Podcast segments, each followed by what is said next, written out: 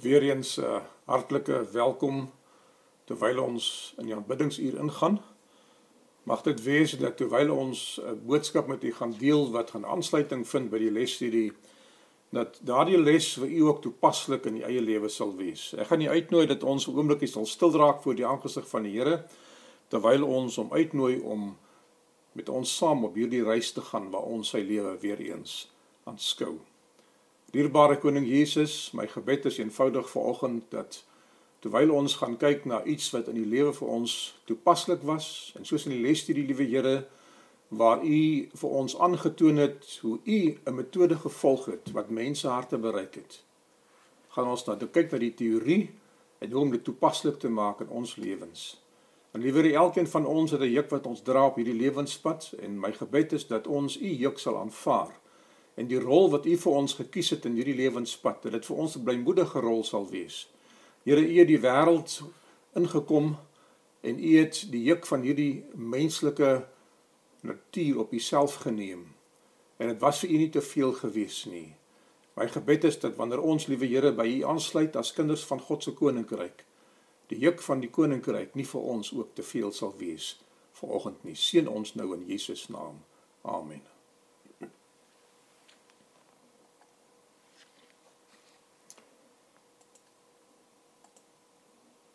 Ek het besluit om vanoggend weer met u 'n aanbieding te doen waar ek vir u visueel op die skerm beeldend die boodskap gaan uitbeeld want soms help dit ons om te om 'n boodskap te vereenvoudig en makliker te verstaan.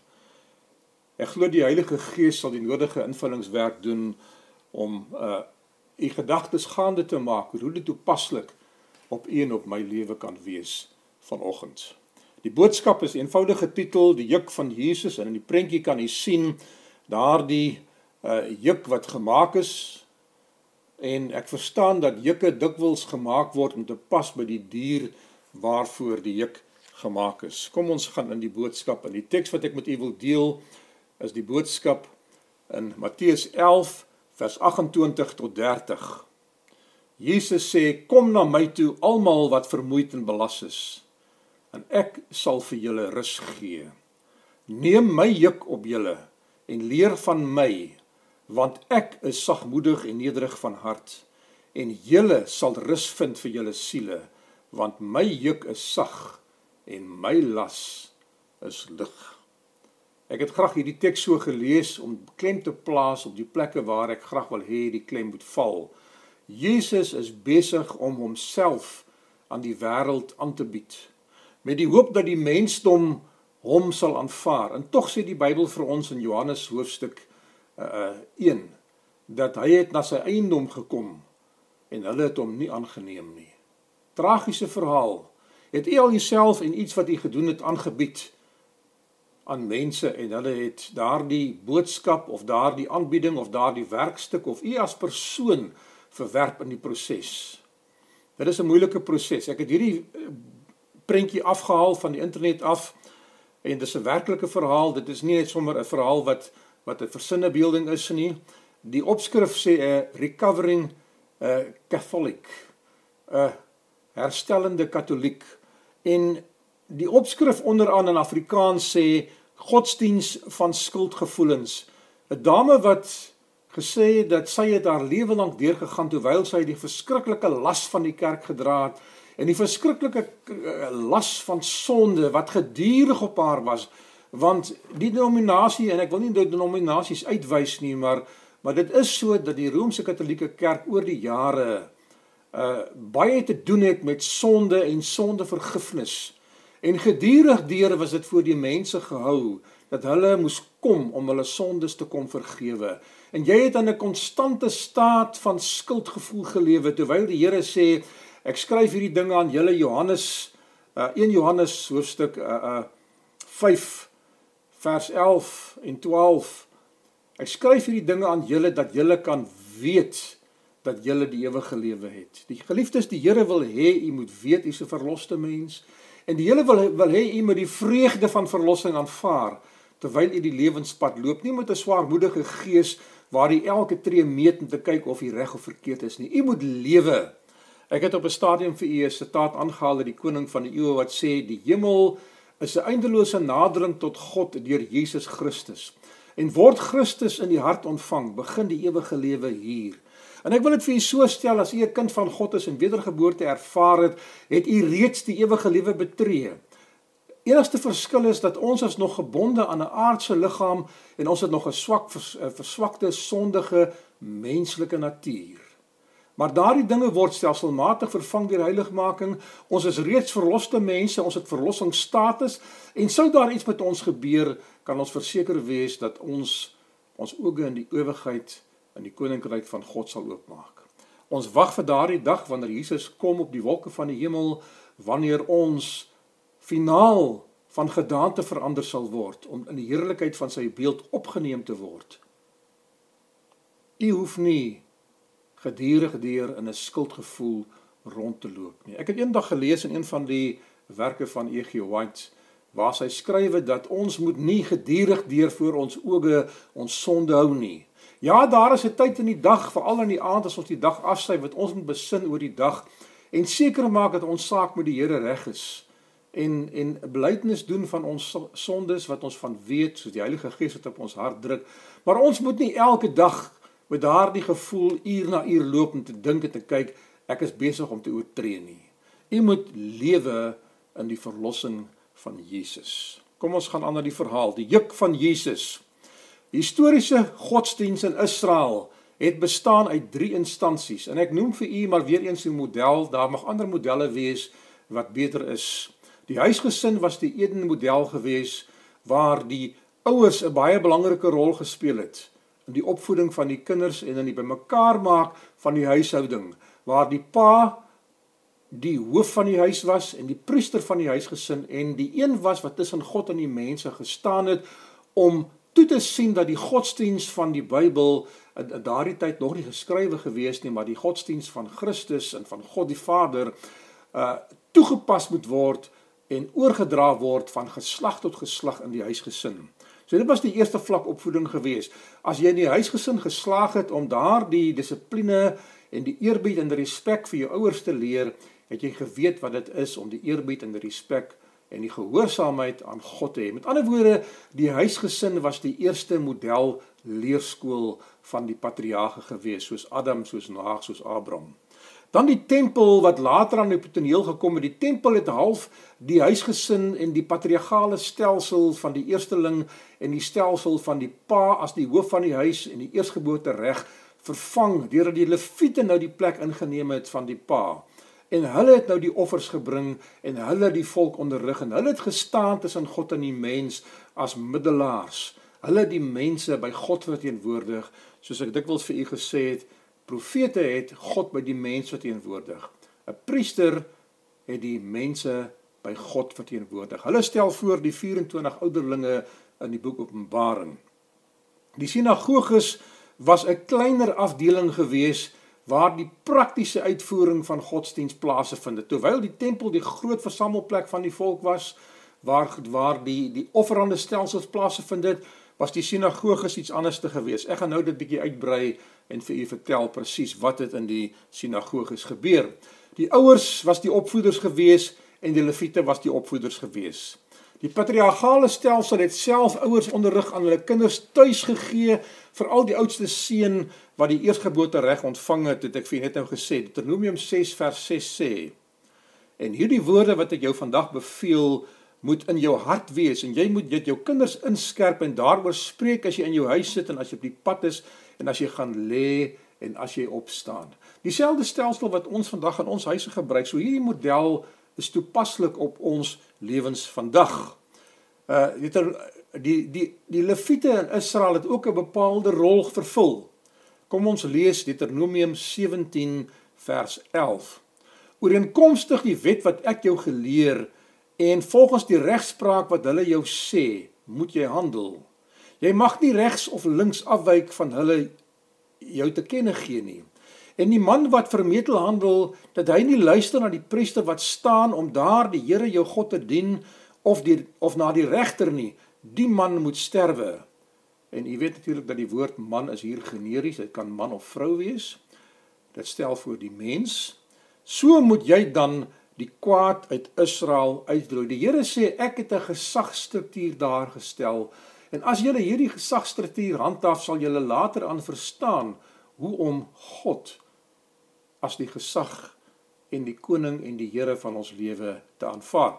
In die tydperk van die rigters het Samuel profete skole begin om jong manne op te lei vir bediening. U sal onthou in die verhaal van die boek Rigters veral uh, in die oorgang na Josua toe sê die Bybel eenvoudig, ek het die teks nie ingesit vir u nie, dat elkeen het gedoen wat reg was in sy eie oë. Tragies. En daarom het die Here dit goed gedink om weer rigters aan te stel. 2 Konings 2 vers 7 sê en 50 man van die profete seuns het geloop en op 'n afstand eenkant gaan staan terwyl hulle twee by die Jordaan staan. Die verhaal van van die oorgang van Elia na Elisa. Elisa veral was die man gewees wat die profete skole begin het en weer godsdienstonderrig begin het en hy was ook een van die manne gewees wat wat begin het met die neerskrywe van in die kopieering van die geskrifte van die Bybel, die boeke van Moses, want die materiaal het eh, was was was was bederfbaar gewees en dit moes gedurig oorgeskrywe word en hierdie seuns het veral daardie funksie verrig. Hulle het ook opgetree as leeraars onder die gemeentes en rondgegaan en mense onderrig gegee in die skrif soos hulle in die skool van die profete geleer het. Die die kweekskool waar predikante opgelei word vandag word ook simbolies 'n profeteskool genoem waar mense opgelei word om diensbaar te wees in die diens van Jesus. So die opvoeders was die ouers die leviete, die onderrigplekke was die huis, die tempel, die sinagoge En later aan in die Christelike kerk het ons oorgegaan na die kerk toe waar die kerk nou daardie funksie van publieke aanbidding aanvaar het. Ek hoop u sal die simboliek die simboliek insien in die Bybel dat daar 'n transformerende simboliek was deurgaande deur die Bybel. Wanneer ons die godheidsleer bestudeer, kom ons agter dat die mense kennis en die manier wat hy God aanbid het en verstaan het hoe God funksioneer en wie God is en wat God is, was transformerend geweest. Dit het toenemend meer kennis aan die mens gebring. Die sinagoge, hier is 'n prentjie, dis ongelukkig nie baie duidelik nie van 'n sinagoge, 'n Joodse sinagoge, die mans en die vrouens het nie langs mekaar gesit nie, hulle het teenoor mekaar gesit. Dit was nie 'n reëling wat God ingestel het nie. En u sal natuurlik weet dat in die kerklike bedieninge het die mense, die die leiers van die kerk, die fariseërs, die sadduseërs, die herodiane, het hulle begin reëls en regulasies maak wat nie deel van God se plan was nie. En hierdie boodskap is innerliggend in die boodskap ingeweef wat ek vandag moet u bring dat Jesus gekom het om daardie menigte reëls en regulasies wat kerkleiers aangestel het wat niks met godsdiens en met met met die verstaan en die simboliek van godsdiens te doen gehad het nie om dit weg te vee.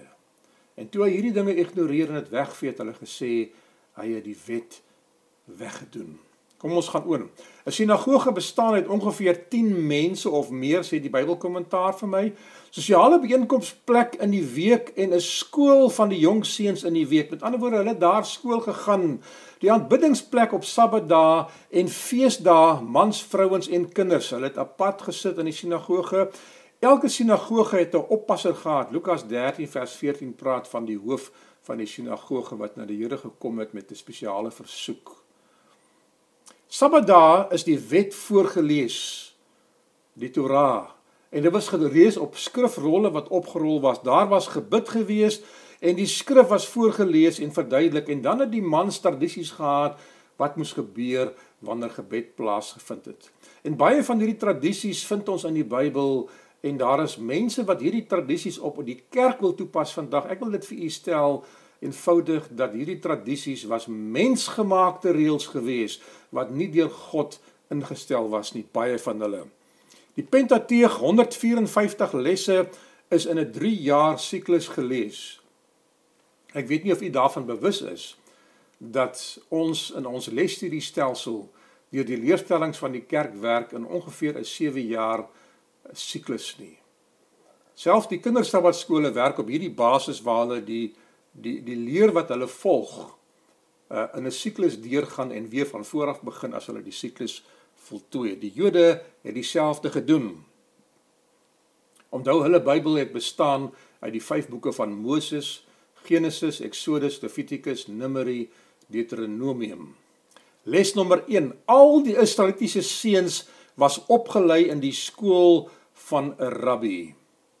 Maar nie almal word 'n rabbi nie. Tot op die ouderdom van 30 jaar dan eers kon hulle kwalifiseer mits hulle in die opleidingsskool was en mits hulle die toetsing geslaag het. Tussen die lyne deel wil ek hê jy moet oplet op wat ek nou met u deel. Jesus het sy openbare bediening begin toe hy 30 jaar oud was. Terwyl 'n kind van 12 jaar as die as 'n seun van die wet beskou was en veral die seuns was opgelei gewees in hierdie skool wat die skrifgeleerdes hulle geleer het. Maar op die ouderdom van 30 kon hulle 'n keuse uitoefen om dit hulle permanente loopbaan te maak en godsdienstonderrig te ontvang met die doel om dan ook 'n leraar te word. Dit is waarna hier verwys word. Enige man kon opstaan en uit die wet voorlees indien hy gevra was want hulle was almal opgelei in hierdie skool as jong seuns dit was deel van hulle opvoeding daar het nie so iets bestaan dat jy nie in die skool van 'n rabbi gesit en nie geleer het nie kan nie verstaan in die agtergrond van die Nuwe Testament waarom Jesus verag was omdat hy nie in die skool van 'n rabbi gesit en daar opleiding ontvang het nie. Sy moeder, sê die boekkoning van die Eeue vir ons, het hom opgelei. Ek het baie gewonder al hoe het sy toegang gekry tot die geskrifte. Die ouderlinge lei uit, geen predikant nie. So ons ons gaan verder voort. Die opvoeders was die ouers, die leviete gewees, die onderrigplekke was gewees, die huis, die tempel, die sinagoge, wat verskeie funksies gehad het, nie net aanbidding nie, maar die leerlinge was die seuns van 12 jaar en ouer. Die rabbi.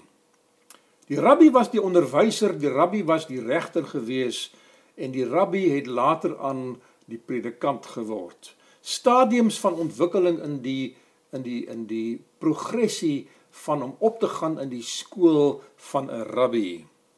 Rabbi is afgelei van die Hebreëse woord rav wat verhewe of geëerd beteken. Dit het dieselfde konnotasie vir my as 'n ouderling. 'n Ouderling is iemand wat gerespekteer word omdat hy bejaard is, eerstens omdat ons ouer mense vereer, tweedens omdat daardie persoon lewenswysheid opgedoen het in die skool van die lewe en heel waarskynlik 'n ambag ken en ook omdat daardie persoon bewys het dat hy 'n gesagstruktuur is wat die dinge van God ken en natuurlik met mense kan werk. Dit is die die die die werk van 'n ouderling en daar's ander definisies wat ek met u kan deel. Uh toe ons die preekopleiding gedoen het, het ek dit met u gedeel en as u daardie notas nog besit, kan u dit gaan bestudeer om te kyk presies wat is die verskil van 'n leraar of 'n rabbi of 'n ouderling. 'n Rabbi is 'n onderwyser van die Torah. Die Torah is die wet van Moses, die 5 boeke van Moses. By ons lesstudie tyd verlede kwartaale toe ons die Bybel studie gedoen het oor die woord van God as 'n geheel, het ons vir u gesê dat die wet van God 'n wye spektrum van betekenisse gehad het. Ten eerste was dit die 5 boeke van Moses. Ten tweede was die wet van God die 10 gebooie wat vir ons in Eksodus 20 opgestaan eh, geskrywe staan. Derdens was die wet van God bekend gewees as die totale Ou Testament. En natuurlik by die onderafdelings van die gesondheidswette, die seremonieele wette, die landsbesitswette en al die ander wette wat daarmee gepaard gegaan het. So die wet het 'n baie wye spektrum van betekenisse gehad in die tyd van uh die kinders van Israel. Maar vir ons belangrik, 'n rabbi is 'n onderwyser van die Torah of van die wet van Moses. In die Nuwe Testament verwys die titel na skrifgeleerdes, fariseërs en na Jesus. Jesus word 'n rabbi genoem alhoewel hy nooit in die skool van rabbies was nie en nooit gekwalifiseer het as 'n hoofleier van die kerk nie. 'n Skrifgeleerde is iemand wat gespesialiseer het in die wet. 'n Skrifgeleerde kan beide 'n fariseer of 'n sadiseer wees. Wanneer rabbi 'n vertrek ingekom het, staan die gehoor op uit respek. 'n Hoë rang rabbi uh, sal bepaal of 'n lae rang rabbi vir hom opstaan. So hulle het hulle het gesagstrukture gehad en ek lei af uit die gawe van profesie en uit ander Bybelkommentators dat dit lyk asof die some van die die uh uh Fariseërs, die Sadduseërs en die Herodiane rang aangedui het. En ons leer dit in die boeke van in die geskrifte van Josefus, die geskiedskrywer wat in daardie tyd geleef het, wat vir ons so 'n bietjie insaag gee. Ons lees dit ook in die Mishnah uh wat 'n uh, kommentaar op die uh, wette van God was. Groep mense volg die leer van 'n spesifieke rabbi uit hulle gemeenskap. Hy is hulle meester. Nou iemand begin verstaan wat gebeur. As jy in 'n spesifieke sinagoge groot geword het, dan is daardie ouderling jou jou leermeester, die onderwyser. As hy gekwalifiseer is om later aan in die voltydse bediening in te gaan op die ouderdom van 30, het hy 'n kwalifikasie gekry en was hy 'n titel gegee wat rabbi genoem was. En dan was daar grade gewees waar hy homself opgegradeer het tot 'n hoër gesag. Mense het daardie rabbi begin volg as hulle leermeester. En ek wil nou al reeds vir u sê, hulle het die juk van daardie rabbi gedra. Sy onderrig was vir hulle wet gewees. Sy woorde en sy gesag was die riglyn waarvolgens hulle hulle lewens geskik het.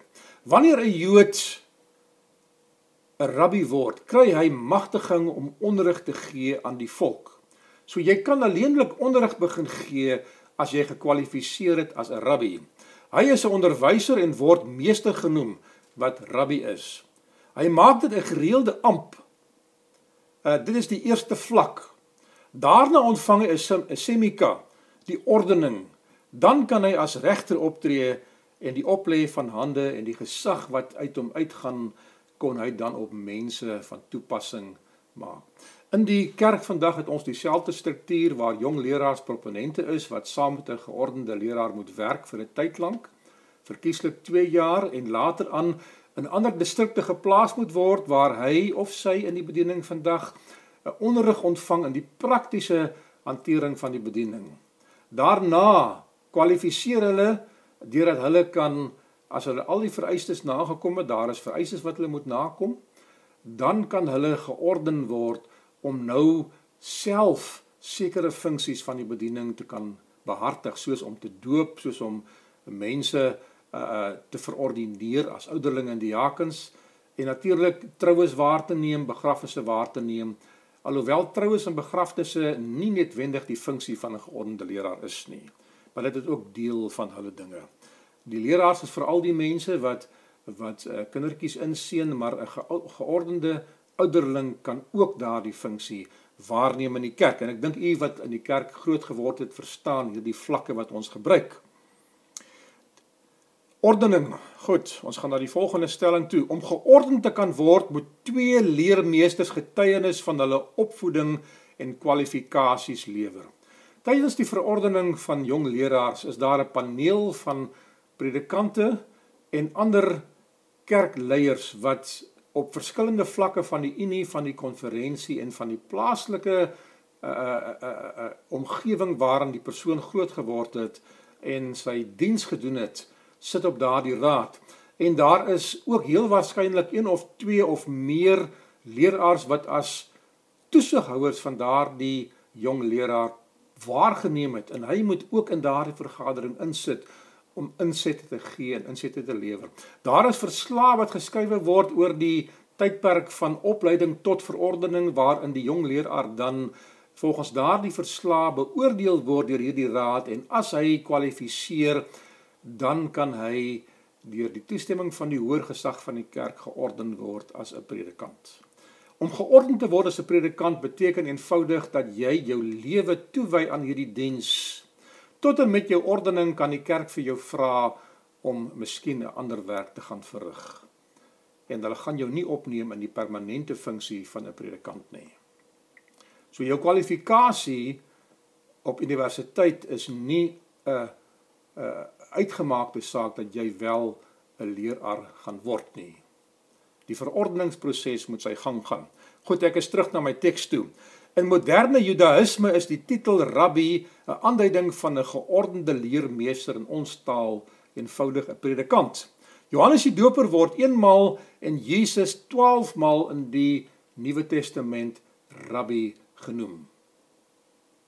Nou u weet dat beide Johannes sowel as Goed, dat ek nie sê beide Johannes nie. Ek sal net moet gaan seker maak of Johannes wel in daardie leerskool was. Ek het 'n vermoede hy was dalk nie gewees nie want sy pa was 'n priester wat homself opgelei het. Maar Jesus definitief was nie in 'n skool gewees waar hy opleiding ontvang het nie. Sy moeder het hom geleer. Die rabbynse verordening, die semika, na die suksesvolle voltooiing van 'n strawwe opleiding in die Joodse wet en die responsa kom hulle in aanmerking vir ordening. Tot jy georden is, leer jy die lering van jou rabbynse leermeester. Let op, hierdie is verskriklik belangrik in vandag se boodskap. Totdat jy georden is, is jy onderworpe aan die leer van jou leermeester. Wat hy vir jou geleer het, is dit wat jy aan die mense oordra. Ek het al dikwels vir u gesê by wyse van 'n uh, halftong in die kies dat elke predikant wat op universiteit opgelei word, is die produk van die onderwysers wat hulle opgelei het. En dikwels en meer as dikwels gaan hulle die teologie en die gesindheid en die praktyke wat daardie onderwyser oorgedra het uit hy of of haar ervaring uit, gaan hulle dan in hulle lewens toepassing van toepassing maak. U is ook die produk van u ouers se opvoeding. Goed, ek is terug na my teks. Tot jy georden is, leer jy die lering van jou rabbynse leermeester. Maar daarna kan jy self die wet uitlê en jou eie volgelinge opbou. Baie belangrik dat jy moet verstaan. Jy kan nie 'n gevolg van mense in die sinagoge hê as jy nie georden is nie. Tot en met dan is jy 'n ouderling wat eenvoudig die wet mag voorlees, maar jy mag nie onderrig gee volgens jou eie insette nie.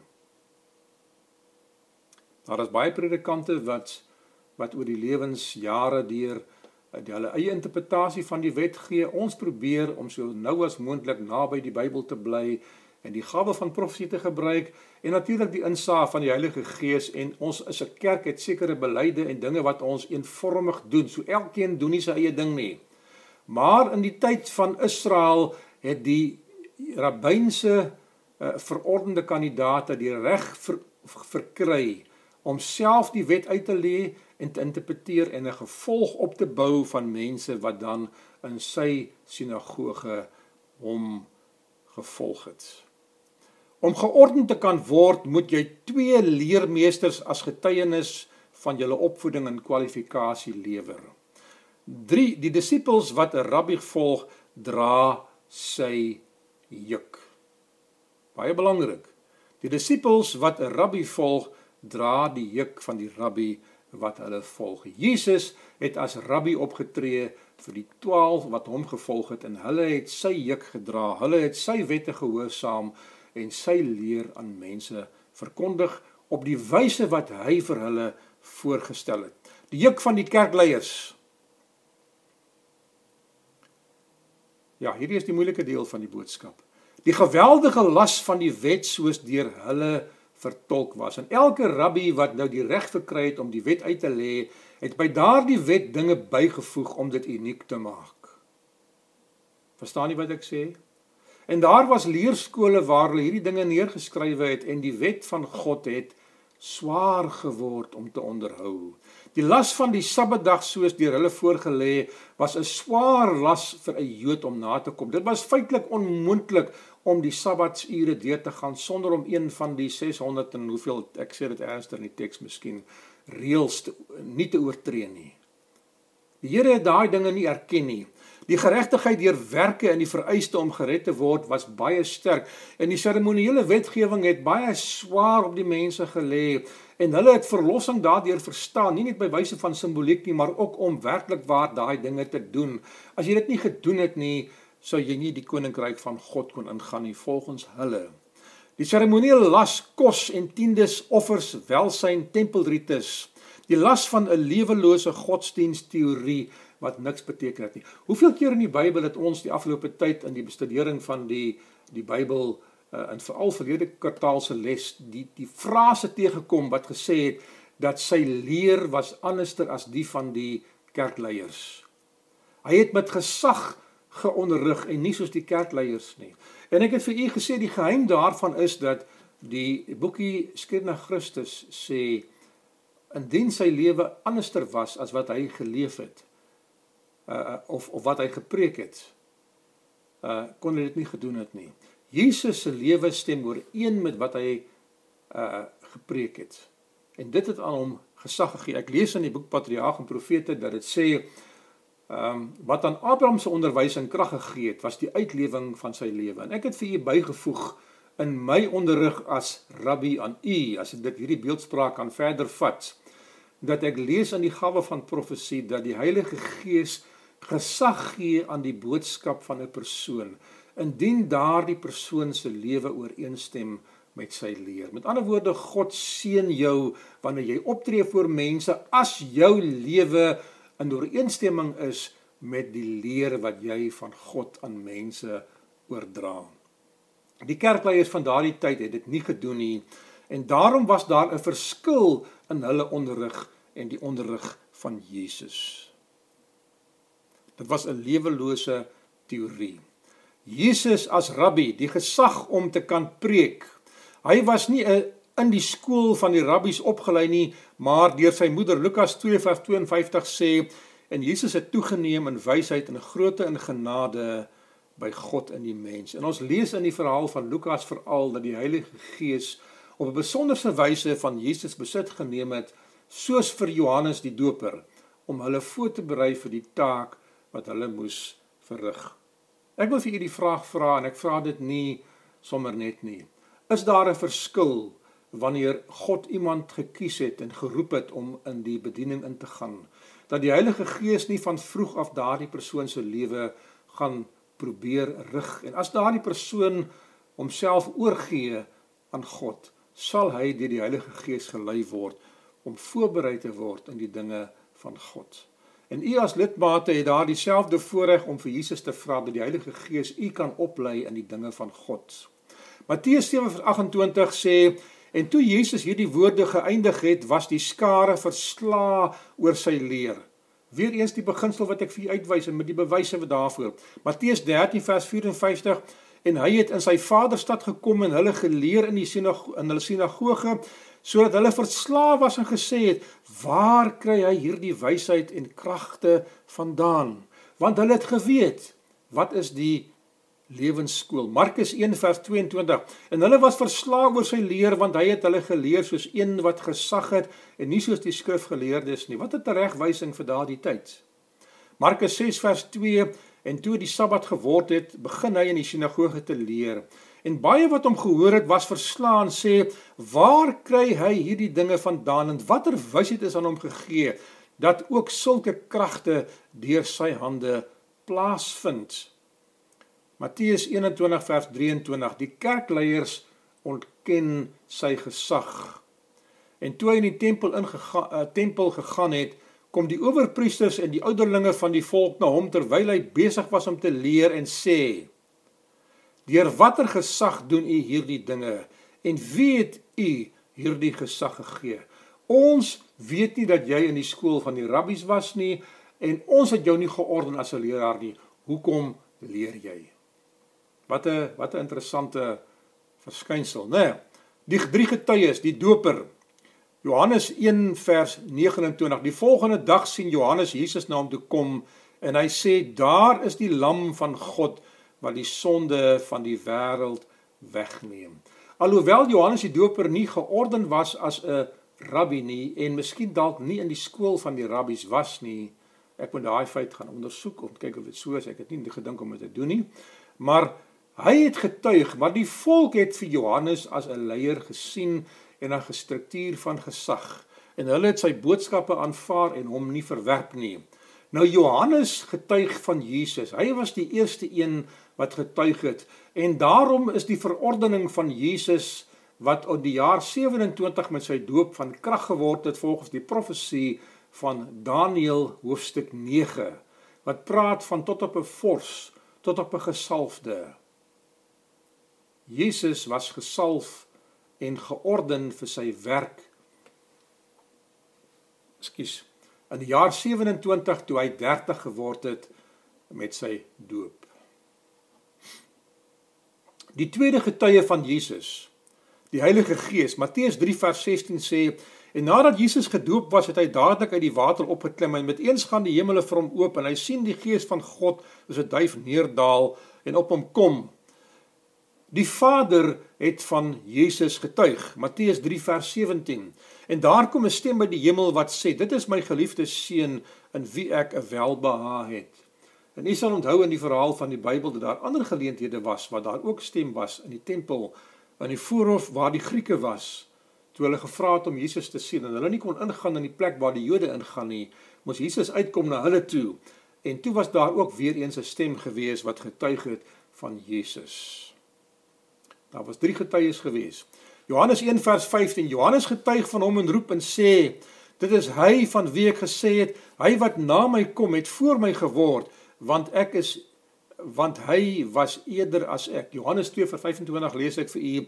En omdat hy nie nodig gehad het dat iemand van die mens sou getuig nie, want hy self het geweet wat in die mens is. Jesus het net die getuienis van 'n rabbi gehad om hom te kwalifiseer as 'n leraar nie. God het hom daardie gesag gegee. En hy is natuurlik ook God gewees, so hy het getuienis in homself gehad. Johannes 5 vers 31 As ek van myself getuig is my getuienis nie waar nie. Hy praat van die mense alhoewel hy dit kon doen. Maar die Vader het van hom getuig, die Heilige Gees het van hom getuig en Johannes die Doper het van hom getuig om die die beginsel van daardie tyd te gebruik. Die boodskap, die juk van Jesus. Kom ons maak hierdie verhaal vas in ons gedagtes. Matteus 11 vers 28 sê tot 30 Kom na my toe almal wat vermoeid en belas is en ek sal julle rus gee. Neem my juk op julle en leer van my want ek is sagmoedig en nederig van hart en julle sal rus vind vir julle siele want julle my juk is sag en my las is lus is is lig. Ek onthou daar in Pretoria ek het jy vertel van die blinde tannie wat al baie ver in 80er jare was wat ek moes oplei in mobiliteit. As ek by haar kom het sy vir my gesê boetie Jy mors jou tyd om my hierdie dinge te leer. Ek kan die meeste dinge self doen. Ek het myself geleer. Geef vir my raad, ek sal dit aanvaar. Maar as jy wil lees vir my uit die Bybel uit, want ek kan nie meer die Bybel lees nie. En hierdie was een van haar gunsteling tekste gewees want as ek dit begin lees, dan sê sy dit uit die hoof uit op saam met my.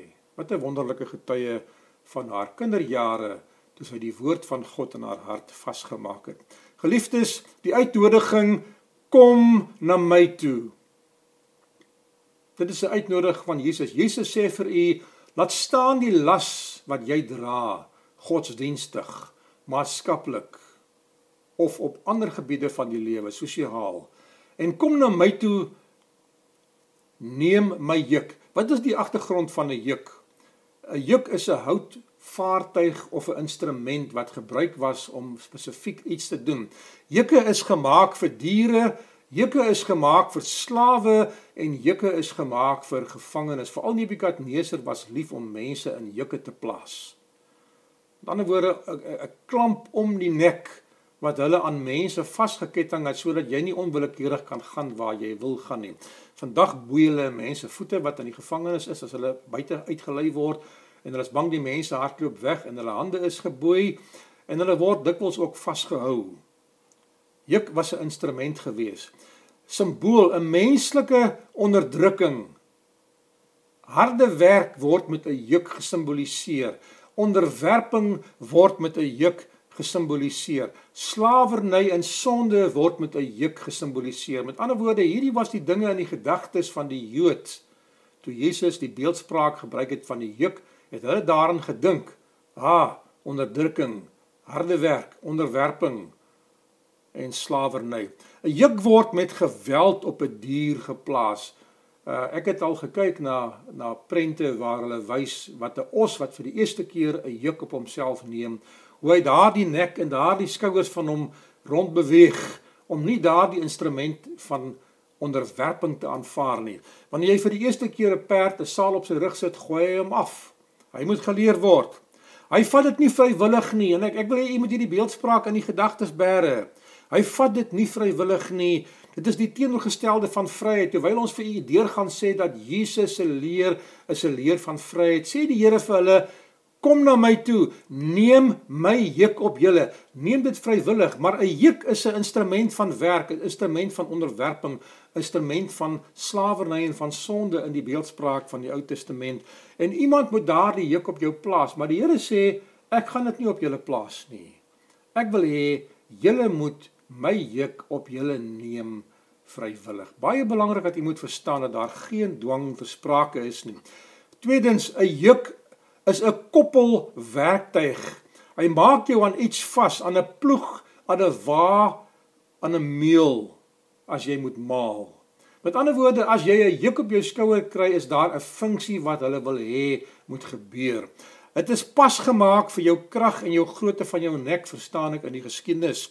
Elke dier het 'n juk gekry wat pas by sy grootte, by sy krag en by die funksie wat hy sou verrig met daardie instrument. Dit is 'n instrument van werk. Dit is nie vir plesier gemaak nie, vir ontspanning gemaak nie en dit is nie om in te rus nie.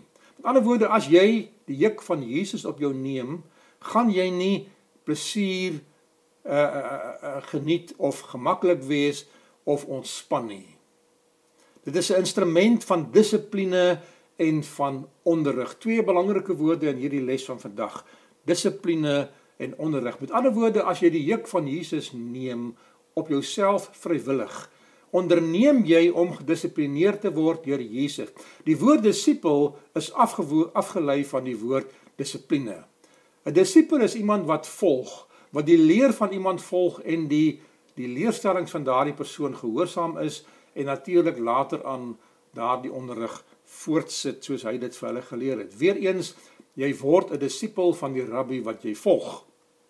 Dis ook 'n instrument van onderrig Jukke word gebruik om diere te leer. Dit is gemaak vir twee. 'n Juk word baie selde vir een dier gemaak. Daar is wel lande wat een dier uh veral die osse wat gebruik word in die, in die Midde-Ooste het is 'n enkel juk, maar daar is 'n juk in die beeldspraak van die Bybel is gewoonlik vir twee diere gemaak. Die een is 'n leier. Een van die osse moet 'n leier wees. Met ander woorde, hy moet ervare wees. Hy moet ouer wees. Hy moet die ding ken. Ek het net nou vir u gesê dat dat jong leraars proponente soos ons hulle noem word saam met 'n geordende leraar in 'n distrik geplaas as dit ideaal is. As ons genoeg mannekrag het, ek bys ongelukkig vind dit nie altyd plaas nie. En die doel is dat hy moet leer van die ouer persoon wat die bediening behels. Die osse trek in dieselfde rigting. As jy aan 'n juk met iemand gekoppel is, moet jy saamgaan. Ons het as kinders baie sakreisies gedoen. As jy 'n sakreisie saam met iemand hardloop, moet jy saam met daardie persoon se pas hardloop, saam met sy spoed, saam met sy beweging spring en jy moet in dieselfde rigting beweeg. Ek dink jy verstaan wat ek vir u sê. Ehm uh, jy verdeel die krag. As twee osse, twee osse 'n juk dra, dra hulle aan 'n gemeenskaplike krag. En die een se sterkte vul die ander een se swakheid aan. Baie belangrik dat jy moet verstaan dat hierdie beeldspraak uh, toepaslik is in die Christelike kerk. As u die juk van Jesus opneem, dra hy saam met u die las wat u ook moet dra. En so word u las ligter. Matteus 10 vers 24: 'n Leerling is nie bo die meester nie en 'n diensknegt ook nie bo sy heer nie. Geliefdes, elkeen van ons begin in die ouerhuis om daardie juk van dissipline en van onderrig te ervaar en dan in die leerskool waar ons opgevoed word en dan miskien op 'n latere stadium waar ons 'n ambag leer. Al die stadiums van die lewe is leerskole waar ons aan dissipline en onderrig en ervaring blootgestel word. Dit is gemaak vir twee, twee ongelyke sterke diere trek saam. Die een vul die ander se swakheid aan. 'n Swak os se trekkrag word verhoog as hy in 'n juk trek, maar as hy meer as wat hy alleen sou hê. 'n Nuwe os word saam met 'n geleerde os gespan. Hy leer die nuwe os wat om te doen. Die die Afrikaner wat groot geword het met osse waans, my my oupa, niemand was 'n waarmaker gewees en uh hy het hy het hy het geweet van osse. En hulle het gepraat van 'n vooros. 'n Vooros is 'n os wat geleer was en wat die ander gelei het. Die uitnodiging, jy kies, jy besluit om 'n instrument van dwang vrywillig op jou nek te plaas jou te onderwerp of te verneder, te verootmoedig is die beste woord. Vernedering is 'n ander woord wat ons 'n konnotasie aangelig het. Ons ek sê baie vir u by die nagmaal, die voetewassing is is nie 'n 'n 'n instrument van vernedering nie. Alhoewel ons dit so sê baie dikwels, dit is 'n instrument van verootmoediging, want jy stem daartoe in vernedering is wanneer iemand jou dwing en jou verneder teen jou wil. Verootmoediging is wanneer jy self besluit om jouself ondergeskik te maak aan 'n saak of aan 'n persoon en eerbiedig te wees. Jesus se juk is 'n is is waar jy jouself aan onderwerp deur jou te verootmoedig. Ek moet hierdie woord verneder eintlik uithaal hier uit die teks uit. 'n Opoffering te ondergaan. Jy gaan opoffer meer as wat nodig was. Kies my juk, nie die juk van die kerkleiers nie sê Jesus, die juk van die tyd, die juk van armoede en ellende, die gevolg van vreemde oorheersing, die Romeinse juk veral het swaar op die volk gedruk en daarom was baie van hulle preke uh uh deurgangs gevul met boodskappe van hoop om die juk van die Romeine af te werp. En daarom het hulle soveel hoop gehad toe hulle die koms van die Messias verkondig het in hulle boodskappe.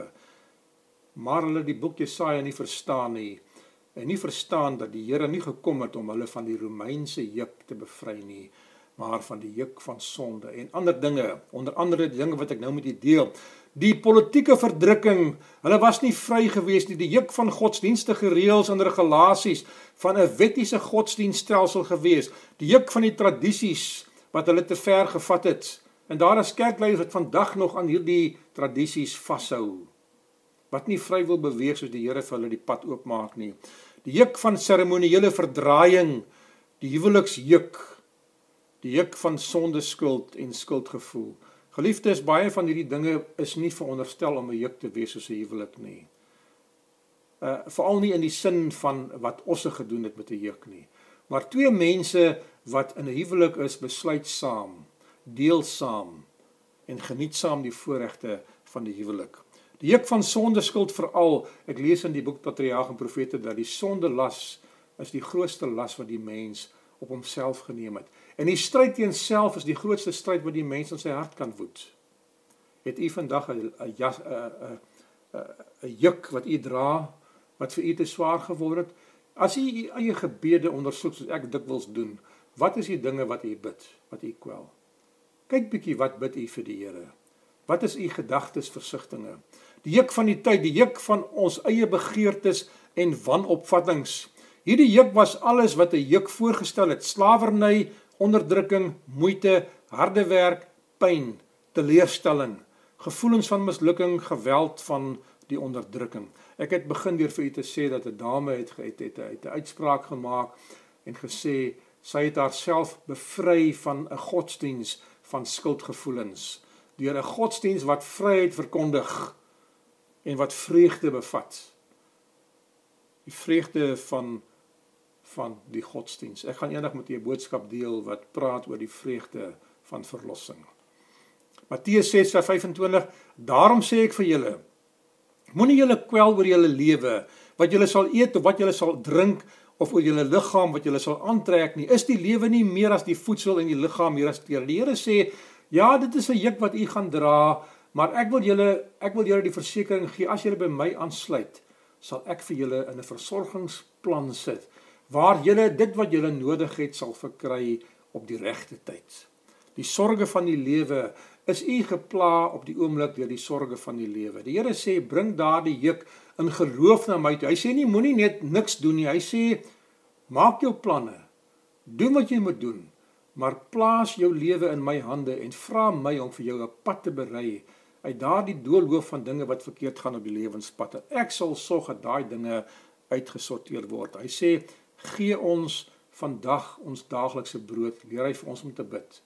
U vra vir die Here om hierdie sorges van die lewe op te neem en die juk op homself te plaas. Matteus 9 vers 2 sê en hulle het 'n verlamde man wat op 'n bed lê na hom gebring en toe Jesus hulle geloof sien sê hy aan die verlamde seun hou goeie moed jou sondes is jou vergewe. Ek het vir u gesê dat die boodskap aansluit by die lesstudie want die boodskap van die lesstudie het gegaan daaroor dat ons van Jesus leer hoe hy tussen mense gaan sit het om vir enselwigheid by die mense lot en tyd geneem het om aandag te gee aan die dinge wat vir hulle gekwel het en hy het hulle behoeftes aan voldoen en toe het hy vir hulle gesê volg my.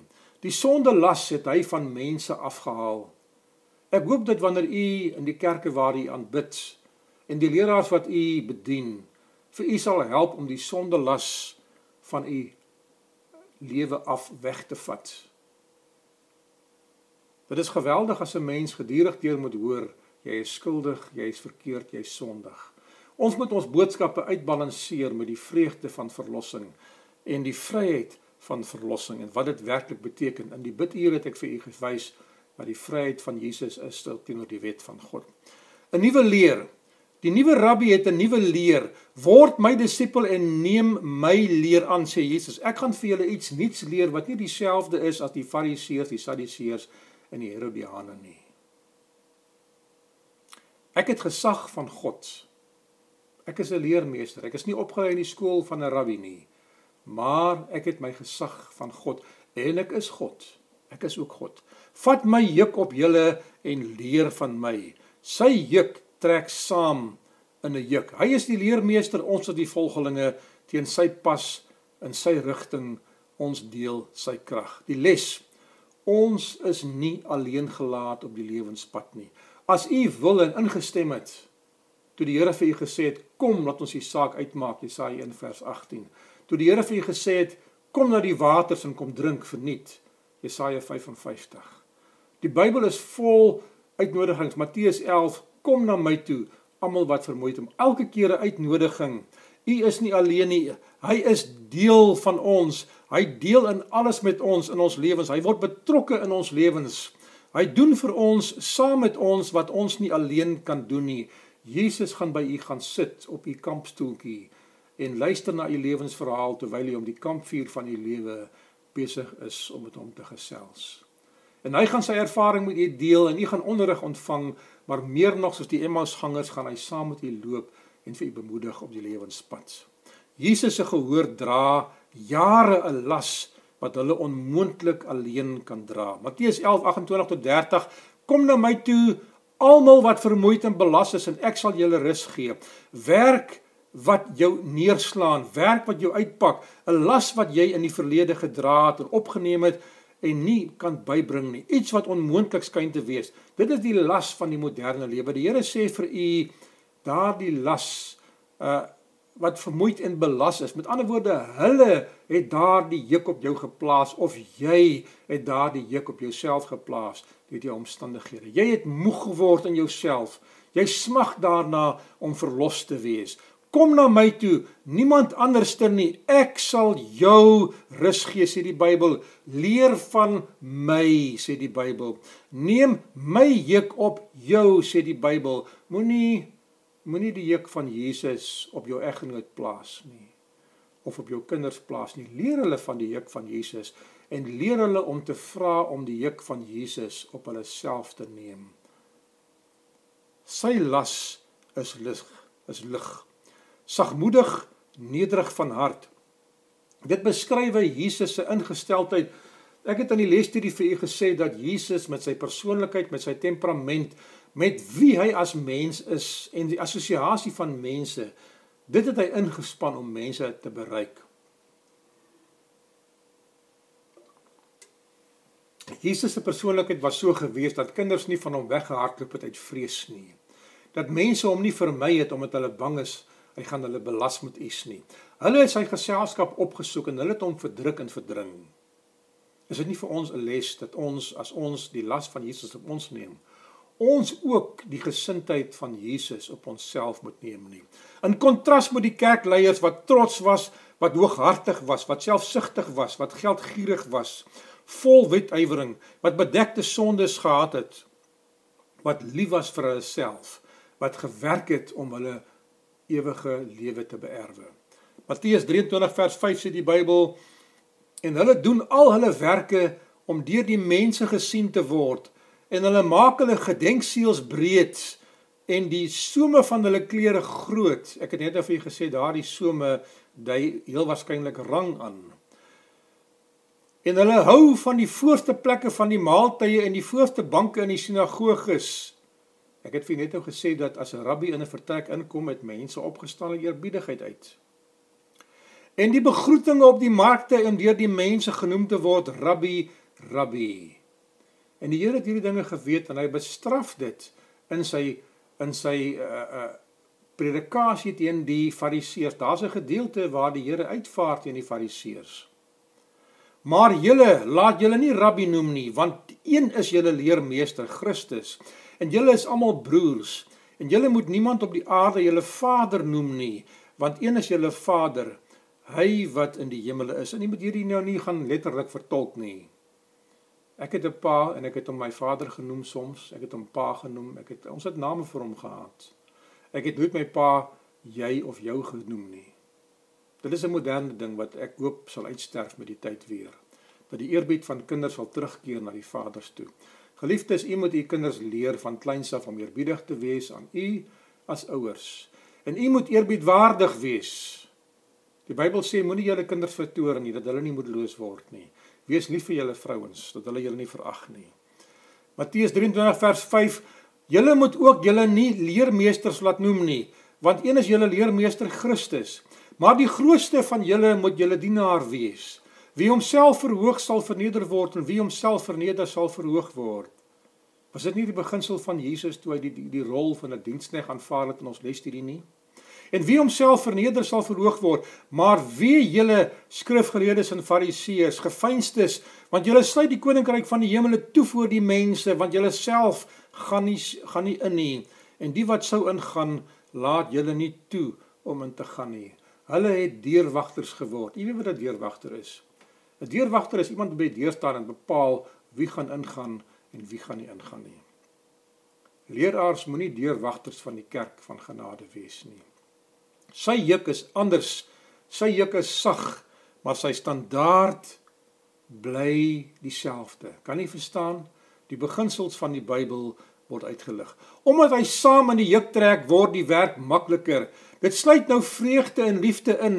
Die krag wat dit verg verskaf hy as u nodig het om te trek. Hy gee daardie krag want hy trek saam met jou in sy juk of in jou juk.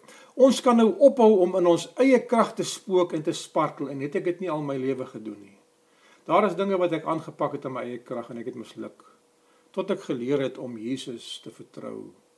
En ek wens dat daardie les by my en by u meer kan posvat dat ons Jesus moet vertrou met alles van ons lewe. Gee my juk vir julle, julle sal rus vind vir julle siele. Geliefdes, ek weet nie wat u hoor vandag in hierdie boodskap nie. Verstaan nie wat ek met u deel? Jesus nooi u uit om sy juk op u te neem. Mag dit so wees dat as u vandag 'n juk dra wat vir u te swaar geword het, 'n juk van siekte, 'n juk van sonde, 'n juk van bekommernis, 'n juk van mense wat vir u veronreg, 'n politieke kulturele juk wat die lewe vir u swaar maak en u afdruk. Wat ook al die juk mag wees in die politiek miskien. As daar 'n juk in die kerk is wat u dra wat u nie wil dra nie. Jesus sê kom na my toe gee jouself oor. Vat jou juk en plaas hom aan die voete van die kruis en neem my juk op en sit hom self op jou nek. En daardeur sal jy vreugde vind en verlossing. Mag die Here vir u seën dat u sal weet dat die Here gekom het om u vry te maak. Kom ons bid saam. Dierbare koning Jesus, my gebed is eenvoudig dat hulle wat na hierdie boodskap luister en kyk dat u vir hulle die genade sal gee om die juk wat hulle dra wat u nie vir hulle gegee het nie of wat hulle op hulle self geneem het of wat ander mense op hulle geplaas het met dwang met geweld af te neem en dat hulle liewe Here u juk sal neem en daardeur vry sal wees die waarheid sal julle vrymaak sê die skrif Here ons kom na u toe dat u ons kan vrymaak U het reeds vir ons die prys van Golgotha kruis betaal. Help ons om nou ook in ons gemoedstoestand en in ons lewens die vryheid van Jesus te aanvaar en dit te glo. Mag nou die genade van ons Here Jesus Christus, die liefde van God die Vader en die soete gemeenskap van die Heilige Gees met u wees en bly van nou af tot in alle ewigheid. Amen. Geliefdes, die Here seën vir u Die Here seën u in die res van die Sabbatdag wat u ook al mag doen en die aktiwiteite waaraan u mag deelneem. Mag daar vir u tyd wees om as 'n gesin ook bymekaar te bring en saam die dinge van die lewe te geniet, miskien in die natuur te wandel of die skepping van God te aanskou in 'n program wat wat daar vir u gestel is. Here seën vir u. Amen.